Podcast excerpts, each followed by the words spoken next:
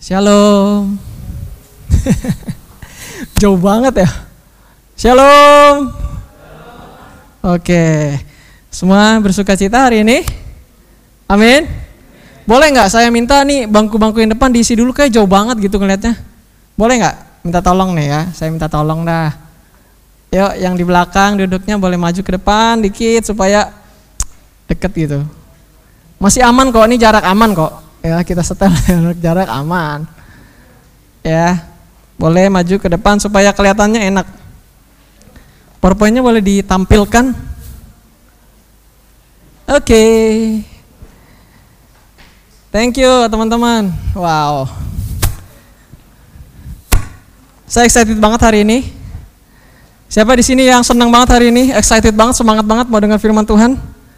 Boleh? Wah, ini saya suka nih. Kita harus semangat. Amin. Anak-anaknya Tuhan harus semangat. Gak berasa ini masuk ke bulan ke-9. Baru, baru perasaan kemarin latihan Natal ya. Dikit lagi udah mau Natal lagi nih. Ya, masih beberapa bulan lagi. Dan kita sudah masuk di bulan yang ke-9 di tahun 2020. Oke? Hari ini sebelum kita lebih masuk membahas tentang pembahasan kita, udah tahu kita akan bahas apa hari ini? Nggak follow nih mas ini.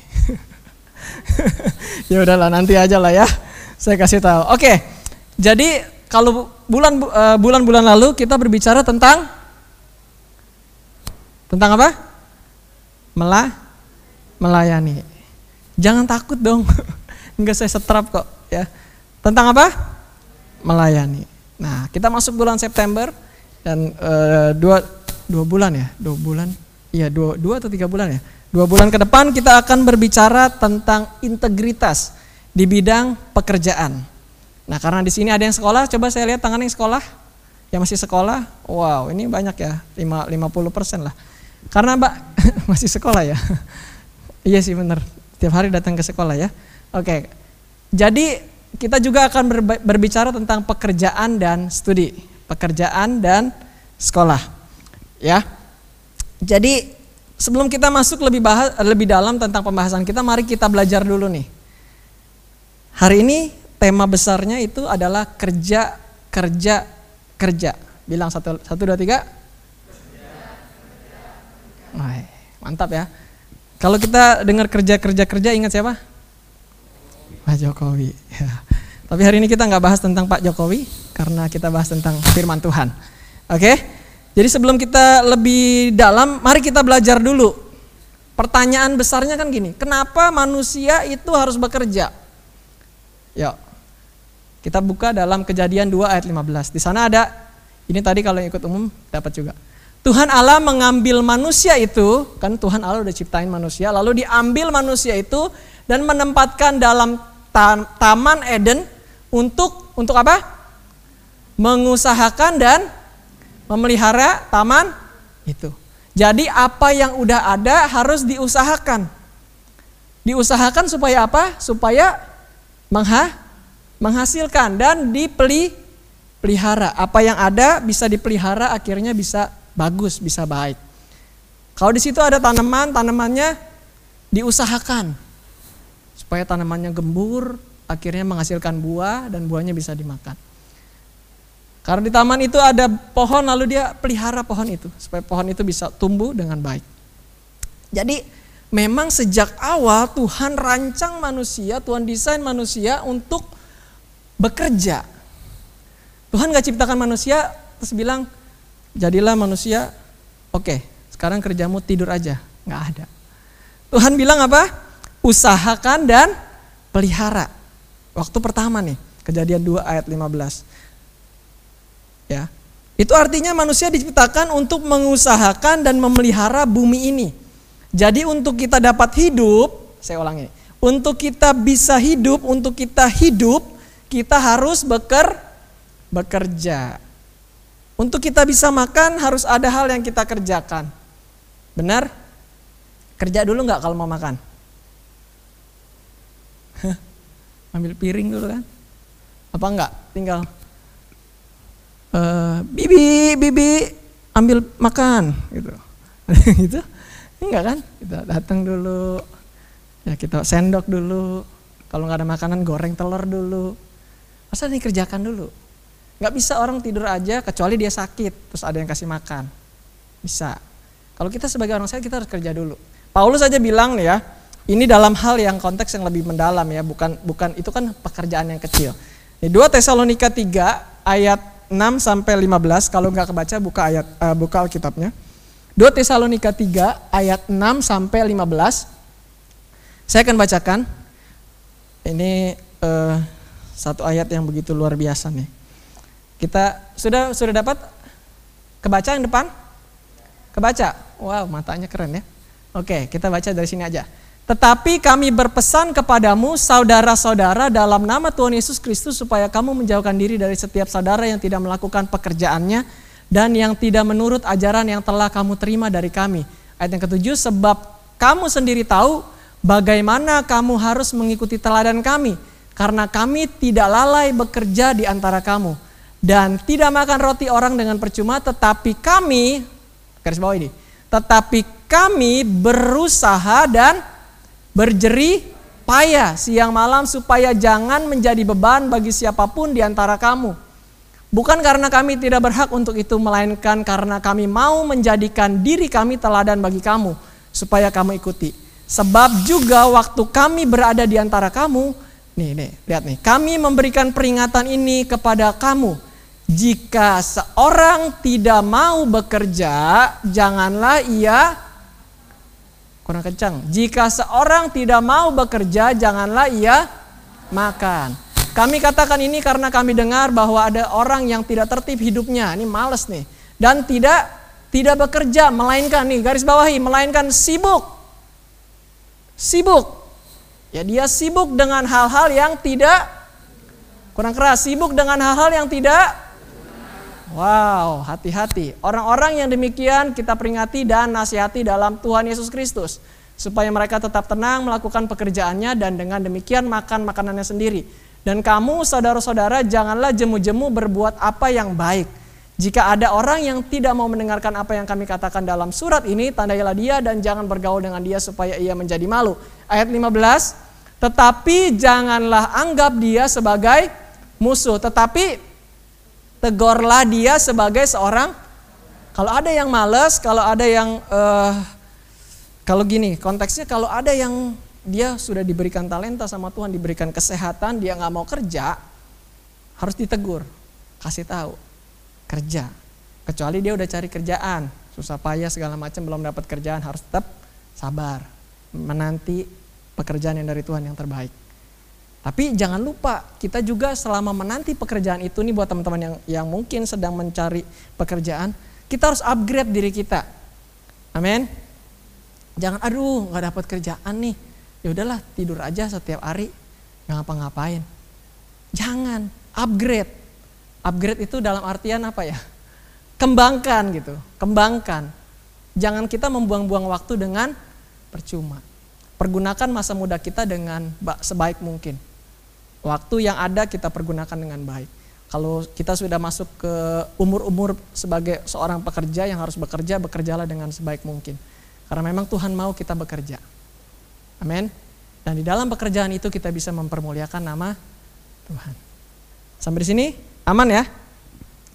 Ya ketika kita mengerti bahwa kita ketika kita hidup di dunia ini kita harus bekerja. Karena itu adalah perintah Allah dan firman-Nya jelas juga mengatakan bahwa kita harus bekerja. Ya, hari ini semakin cepat berubah nih. Dunia begitu cepat bergerak dan jangan jangan sampai anak-anak Tuhan ketinggalan untuk bergerak. Sebagai anak Tuhan kita harus menjadi berkat di mana pun kita berada. Jadi apa pun yang kita lakukan bisa memberkati banyak orang termasuk di dalam pekerjaan kita. Nah ini kita akan masuk dalam tema kita hari ini. Tema youth ya. Tema youth kita hari ini. Kita buka dulu ayatnya dalam Kolose 3 ayat 23. Ada yang hafal? Ada yang hafal? Lihat mas saya ini. Oke. Apa pun juga yang kamu perbuat, perbuatlah dengan segenap hatimu seperti untuk Tuhan dan bukan untuk manusia. Tema kita hari ini adalah do what you love and love what you do. Do what you love and love what you do. Nah, ketika kita dengar Hal ini mungkin agak familiar ya di tengah telinga kita ya.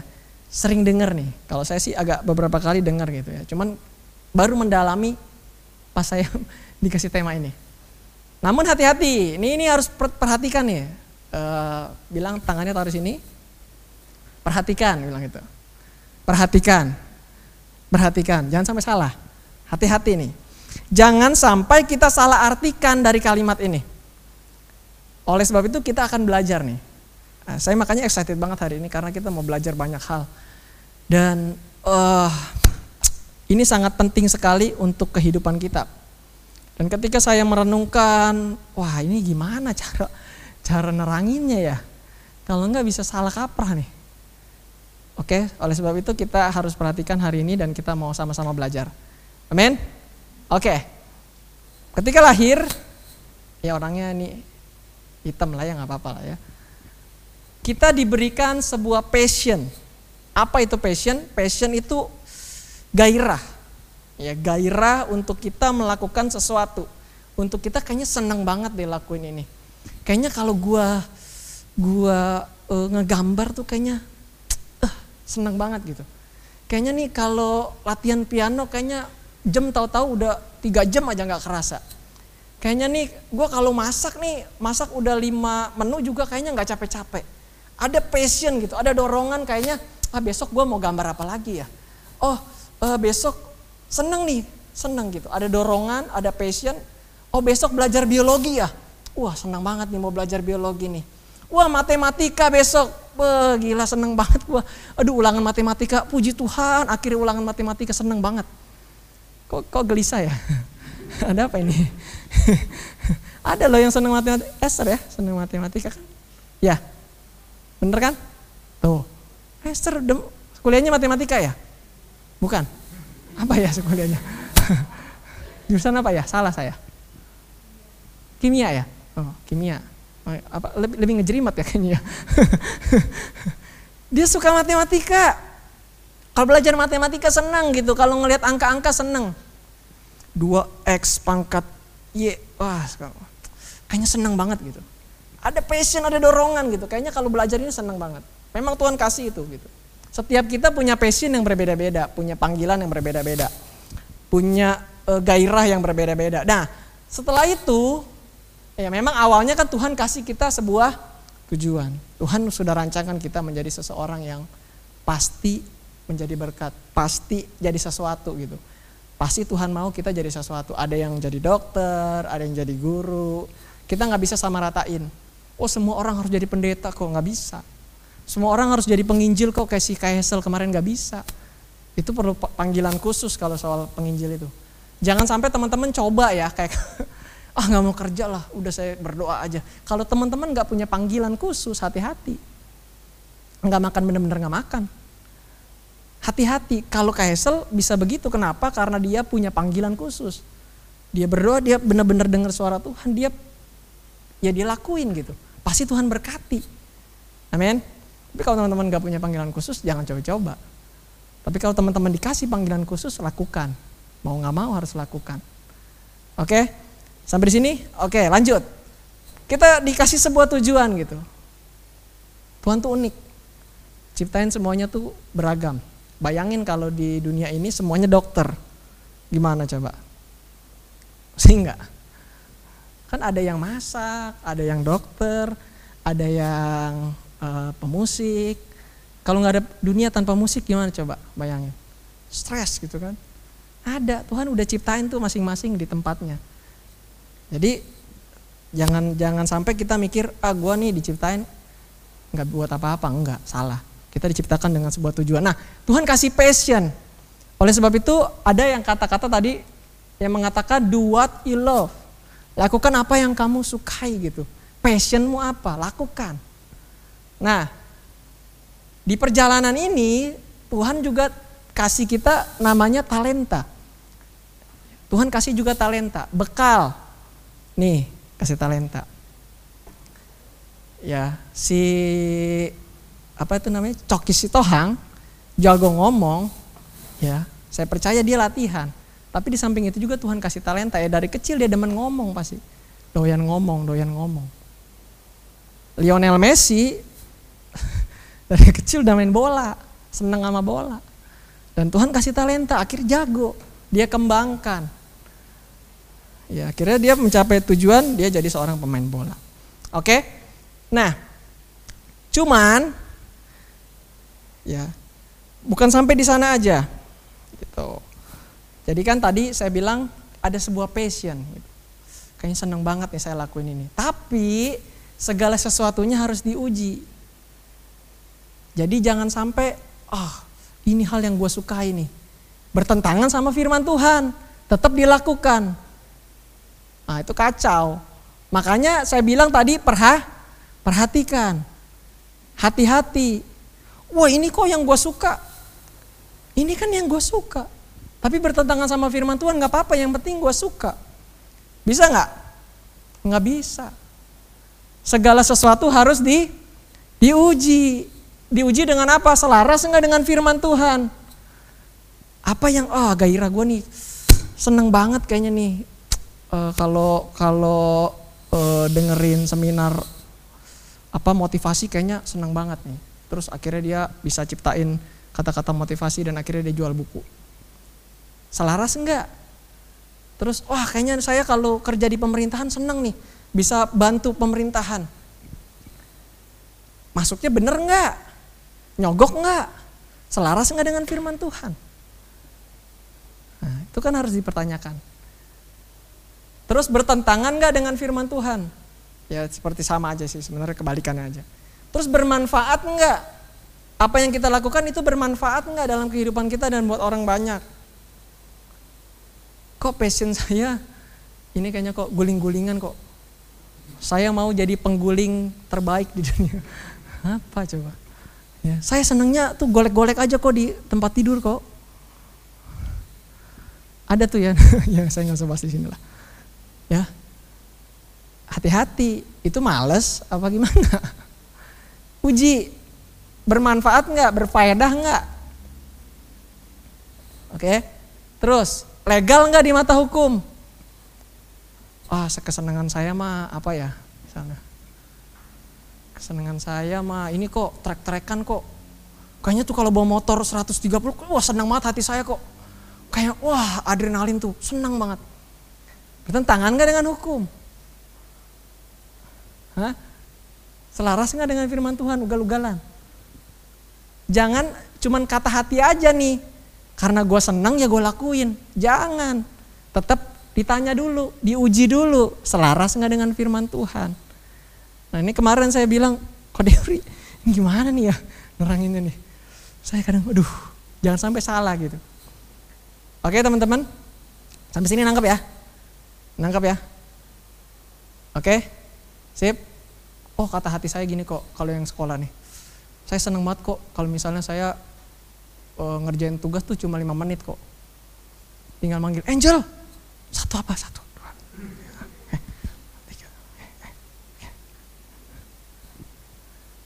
Seneng banget kayaknya kok hati saya kok gembira gitu. Halo. Ya jangan salah artikan kalimat ini. Terpulang, wah gue mau lakukan apa yang gue suka. Tidur aja seharian ngapa-ngapain. Kesukaan saya kok tidur kok. Ya tidur mah boleh. Tapi kalau tidur seharian kan, tidur tiga harian kan kacau. Ya, hati-hati. Tetap diuji, tetap diuji. Oke. Nah, eh, seluruhnya harus kita uji kembali dengan firman Tuhan dan kita perlu ingat bahwa hidup kita bukan sepenuhnya lagi hidup kita sendiri. Amin. Sebagai orang percaya, hidup kita bukan lagi hidup kepunyaan saya sendiri tetapi kehidupan kita juga menjadi milik kepunyaannya Tuhan. Karena apa? Kita sudah lunas dibayar oleh darahnya yang mahal. Men, oleh sebab itu apa pun yang kita lakukan kita harus kembalikan itu untuk kemuliaan bagi nama Tuhan. Amin.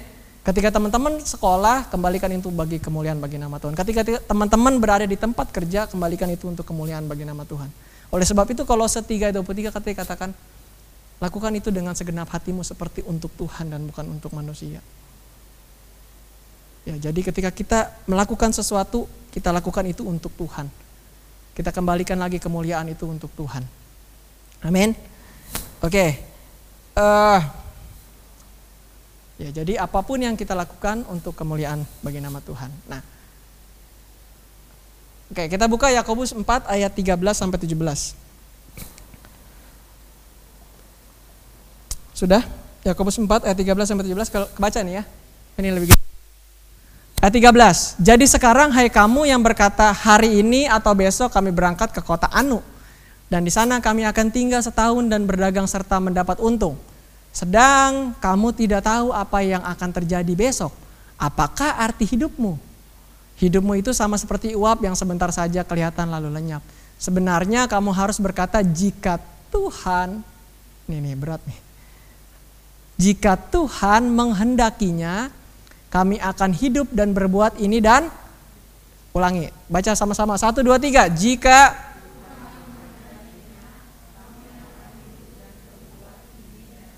Ya, jika Tuhan menghendaki. Tetapi sekarang kamu menggahkan diri dalam congkakmu dan semua kemagahan yang demikian adalah salah. Jadi jika seorang tahu bagaimana ia harus berbuat baik, tetapi ia tidak melakukannya, ia berdosa. Jadi teman-teman, di setiap kehidupan kita, kita harus kembalikan bagi kemuliaan bagi nama Tuhan dan kita harus tanya terus, Tuhan, maunya Tuhan apa sih dalam hidup saya? Kalau memang Tuhan mau jadi dokter, jadilah dokter yang baik. Kalau Tuhan jadikan engkau seorang pegawai, jadilah pegawai yang baik, jadilah pegawai yang mengerjakan segala sesuatunya dengan maksimal. Amin. Amin. Ya, jadi teman-teman ya, oleh sebab itu apa pun pekerjaan kita kita lakukan dengan maksimal, penuh integritas, takut akan Tuhan dan kita kembalikan lagi untuk kemuliaan bagi nama Tuhan. Nah, next. Ini ada sebuah perkataan bahwa suatu profesi tidak dapat membuat seorang menjadi bernilai. Nanti saya akan jelaskan. Tetapi seorang, seseorang bernilai karena dirinya memang bernilai. Ini. Kalau teman-teman jadi apa di sini yang yang keren pilot kalau teman-teman jadi pilot bukan berarti teman-teman nilai dirinya berubah e, lebih baik dibandingkan seorang perawat. Enggak. Bukan berarti ketika teman-teman jadi guru, teman-teman menjadi lebih bernilai, lebih baik dibandingkan seorang karyawan. Tidak. Kalau teman-teman seorang PNS, bukan berarti teman-teman e, nilai dirinya lebih baik dari seorang koki. Kenapa? Ya, karena seseorang itu bernilai dilihat dari dirinya sendiri. Lihat dulu. Dia jadi pilot, pilot yang benar enggak? Ketika dia jadi PNS, PNS yang benar enggak? Ketika dia jadi guru, jadi guru yang benar enggak? Mengajarkan yang benar enggak? Suka curi-curi waktu enggak? Suka korupsi enggak? Guru korupsi emang kok? Ya saya nggak tahu dah. Ya. Bener enggak dia? Ketika teman-teman mungkin jadi seorang siswa, jadi seorang siswa yang benar enggak? Di SMA mana kamu sekolah tidak menjamin nilai dirimu akan menjadi naik. Nilai diri kita akan menjadi naik karena memang diri kita bernilai. Amin. Kehidupan kita menjadi bernilai karena memang kita bernilai. Oleh sebab itu teman-teman jadi apa pun teman-teman, lakukan itu dengan sebaik mungkin. Lakukan itu dengan semaksimal mungkin, dengan rasa cinta. Oke, kalau tadi kan saya bilang kita lakukan apa yang kita suka. Ya memang betul apa yang Tuhan taruh dalam hati kita, oh kayaknya gue seneng banget nih lakuin ini. Uji, selaras nggak sama firman Tuhan? Kalau memang selaras, lakukan dengan sebaik mungkin. Tetapi, nah ini, tetapi teman-teman, ya, gini, tetapi terkadang Tuhan mau kita melakukan apa yang kita tidak suka. Saya ulangi, tetapi Terkadang Tuhan mau kita melakukan apa yang kita tidak suka. Terus gimana dong kok kalau begitu? Kan tadi katanya lakukan apa yang kamu sukai. Tapi kalau setiga dua tiga bilang apa? Apa pun. Coba ulangi, apa? Apa pun. Kalau apa pun ada genrenya nggak? Ada ininya nggak? Nggak kan? Apa pun juga yang kamu lakukan, lakukanlah itu dengan segenap hatimu seperti untuk Tuhan dan bukan untuk manusia. Jadi kalau memang Tuhan seret engkau, Tuhan mau engkau melakukan hal yang ini, yang mungkin ah, saya kurang suka kayaknya, lakukan aja itu dengan semaksimal mungkin, dengan penuh kecintaan, karena kita melakukannya untuk tuh Tuhan. Terus gimana yang saya sukai? Nggak apa-apa, tetap lakukan aja. Selama itu tidak bertentangan dengan apa yang kau kerjakan. Saya punya e, contoh. Dia passionnya uh, ini saya dengar sih ada ada seorang ini. Dia seorang banker. Banker itu tahu ya yang kerja di bank. Dia seorang banker ya eh, seorang seorang yang kerja di bank. Tapi pas ditanya passionnya apa? Ngajar. Saya sukanya ngajar. Lah kok adanya di bank? Oh iya saya kalau malam saya ngajar. Kalau siang saya kerja di bank di bank jadi berkat nggak tetap jadi berkat karena dia melakukan segala sesuatunya dengan maksimal Oke teman-teman, jadi ketika sekarang teman-teman mungkin mengerjakan apa yang nggak enak kayaknya kok, duh kayaknya saya kurang nyaman di sini. Tetap lakukan aja itu dengan semaksimal mungkin. Percayalah kalau memang Tuhan mau kita dipindahkan, akhirnya kita bisa lakukan apa yang kita sukai, pasti akan ada waktunya. Tapi bukan berarti ketika saya nggak suka kayaknya sekarang kok kerjain ini kok, terus kita jadi males-malesan, kerjanya sembrono, nggak nggak nggak ngerjain dengan maksimal, itu salah Ya tetap lakukan dengan maksimal dan kita percaya akan ada waktunya Tuhan kalau memang Tuhan kalau memang Tuhan mau kita melakukan misalnya saya sukanya main bola kok. Hei main bola, sukanya main bola. Tapi kok kayaknya Tuhan saya kuliahnya malah kuliah ekonomi ya. Kayaknya saya kuliah ekonomi. Tetap lakukan itu dengan sebaik mungkin sampai kuliah ekonomi. Tetap latih. Lakukan passionmu. Kerjakan passionmu selama itu tidak bertentangan dengan firman Tuhan. Percayalah kalau memang Tuhan kehendaki untuk engkau jadi pemain bola, pasti ada jalannya. Pas kerja, ya kerjanya akhirnya misalnya di apa? Sebagai ekonom di suatu perusahaan. Misalnya semen Padang. Ih, pas main-main, ih jago main bolanya ya. Eh kamu main-main ini aja ya, main bola di semen Padang ya, kan gak ada yang tahu. Tuhan punya berbagai cara. Tetapi apa yang ada di hadapan kita sekarang lakukan itu dengan maksimal. Jangan karena kita nggak senang, kita nggak lakukan dengan maksimal. Itu hal yang salah, hal yang keliru. Amin. Oke. Nah, kenapa sih kok kok dari tadi uh, sebelum saya lanjut ya gini. Oke, sekarang bagaimana dengan yang sekolah, gitu kan? Sebelum saya lupa deh. Sebelum saya lanjut ke sini. Lalu gimana kok yang sekolah? Nah, ketika adik-adik sekarang masih duduk di bangku sekolah, mari kita mau belajar dengan segenap hati kita. Seperti untuk Tuhan dan bukan untuk manusia. Gampang maksud saya? Ketika mungkin ada mata pelajaran yang kalian gak sukai, bukan kalian hin, hindari. Wah kimia nih, oh sekarang lagi ini ya daring ya. Daring itu apa sih? Belajar online ya, belajar online. Ah saya mute aja lah terus tidur tiduran kok, matiin aja kameranya. Ay malas belajar itu, gurunya bete. Jangan teman-teman, jangan. Ya, ketika mungkin ada mata pelajaran yang kita tidak sukai, kalian tidak sukai, bukan kita hindari, bukan kalian hindari, tetapi belajar untuk melakukannya dengan segenap hati. Saya selalu bilang gini, puji Tuhan, uh, saya dikasih kesempatan untuk Tuhan dapat mengajar di sekolah gitu. Saya selalu bilang sama anak murid saya, uh, gini, saya ngajar musik. Kalian ada di tempat ini, saya tahu suatu saat kalian tidak akan jadi musisi semua. Misalnya ini 40 orang, Ketika saya ngajar musik bukan berarti 40 orangnya harus jadi musisi, enggak. Pasti ada yang jadi ekonom, ada yang jadi apa segala macam beda-beda. Saya selalu bilang e, pelajarilah semua pelajaran dengan sebaik mungkin. Karena kita tidak pernah tahu ke depan kita jadi apa. Pelajarilah semua pelajaran dengan sebaik mungkin karena kita tidak tahu ke depan kita akan jadi apa. Dan itu adalah bekal dalam kehidupan kita.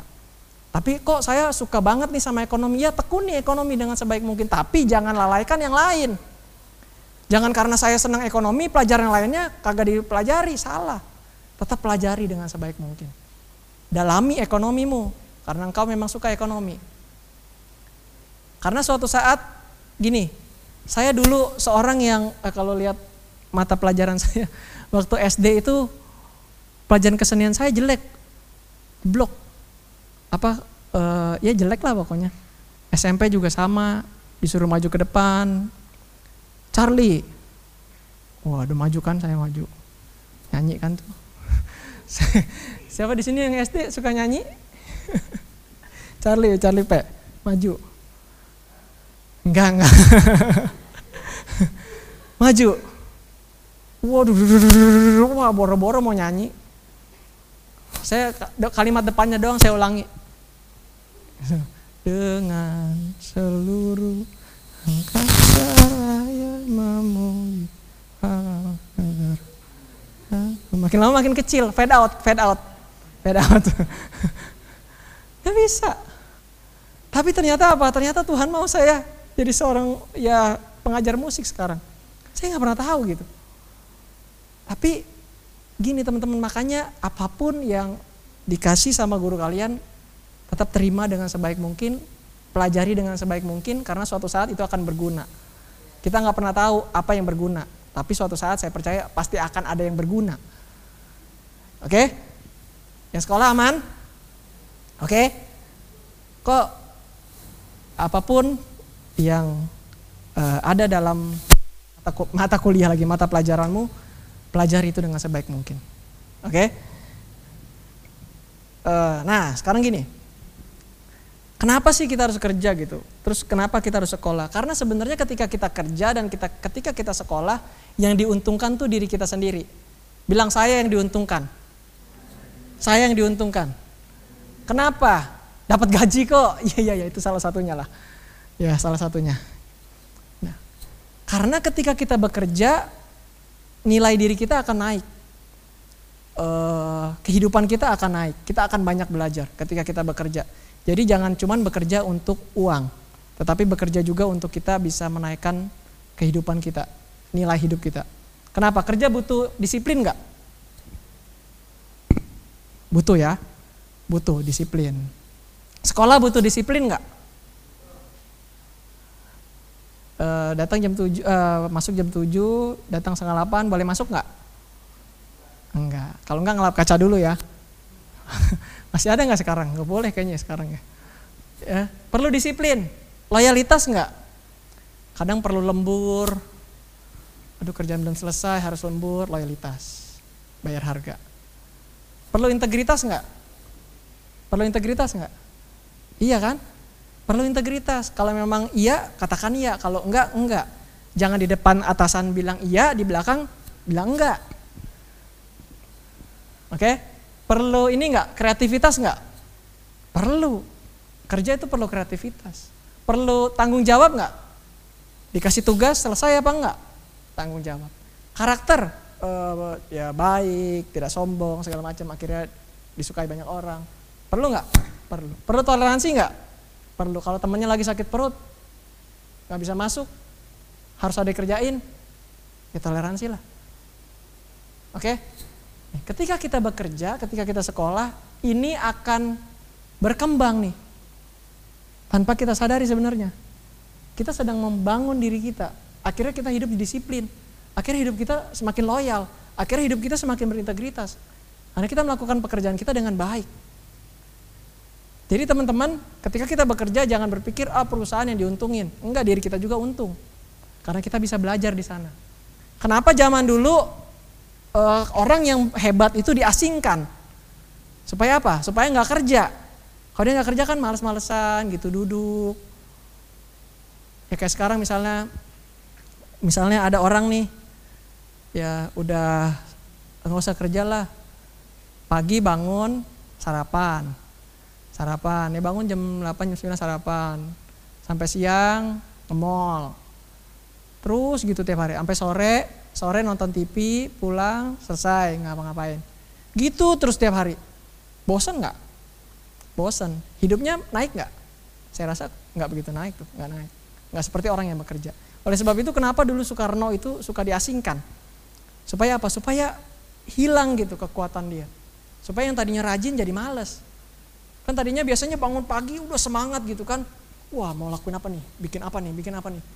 Tapi karena dia diasingkan, ngaso aja. Makan. Diem aja. Orang gak ada siapa-siapa ngobrol juga enggak. Oleh sebab itu teman-teman bersyukurlah kalau sekarang kita masih bisa bekerja. Lakukanlah itu dengan segenap hati kita seperti untuk Tuhan dan bukan untuk manusia. Karena ketika kita bekerja, kehidupan kita sedang naik. Ketika teman-teman sedang sekolah, teman-teman sedang menaikkan nilai diri teman-teman. Jadi ketika teman-teman sekolah harus jadi berkat, harus jadi contoh.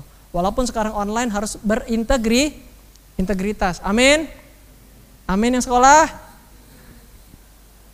Ya, jangan dimatiin videonya terus pergi ke mana-mana. Gurunya ngoceh baik. Udah bebusa, nggak didengerin, kasihan. Bukan kasihan, sayang. Harusnya kalian dapat sesuatu, jadi kalian nggak dapat sesuatu. Oke? Nah, uh, nah perhatian jadinya teman-teman do what you love and love what you do atau nih ini bahasa Indonesia ya lakukan apa yang kamu sukai dan sukai apa yang kamu lakukan tidak sama dengan tidak tidak melakukan apa yang kamu tidak sukai. Ya kalau memang Tuhan mau kita lakukan itu mau bilang apa? Tetap lakukan dengan sebaik mungkin. Kalau memang Tuhan bawa kita ke sana sekarang kita harus ngelakuin apa? Tetap lakukan dengan sebaik mungkin amin ketika mungkin uh, sekarang kita ada sebuah passion lakukan passion itu dengan sebaik mungkin. Dan ketika mungkin teman-teman sekarang, oh saya udah menemukan passion saya nih. Misalnya passion saya seorang pekerja, jadilah pekerja yang baik. Kembangkan terus potensi dalam dirimu. Jika mungkin teman-teman punya uh, potensi, oh saya adalah seorang pelukis kok. Tapi di samping melukis, saya senang juga melayani. Jadilah pelukis yang baik. Jadilah pelayan Tuhan yang baik. Ya terkadang kita tidak di satu tempat aja, bisa aja ya Tuhan bisa pakai kita di beberapa tempat. Bisa Tuhan kasih kita beberapa talenta. Oleh sebab itu kembangkanlah apa yang memang Tuhan kasih dalam hidup kita. Nah, oke. Okay. Jadi, nah jangan lupa. Dari tadi kan ngomong kerja, kerja, kerja, kerja, kerja terus. Jangan lupa. Halo, anak muda, jangan lupa. Carilah dahulu kerajaan Allah dan kebenarannya. Maka semuanya itu akan ditambahkan Jangan lupa kalau udah kerja juga harus ingat tuh Tuhan. Tuhan tetap yang utah, utama. Jangan wah saya mau kerja kerja kerja semenjak hari ini saya mau kerja terus kok. Mau hari Minggu hari apa saya kerja terus kok.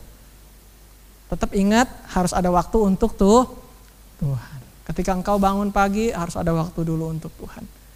Engkau harus punya waktu perenungan firman Tuhan. Ya teman-teman.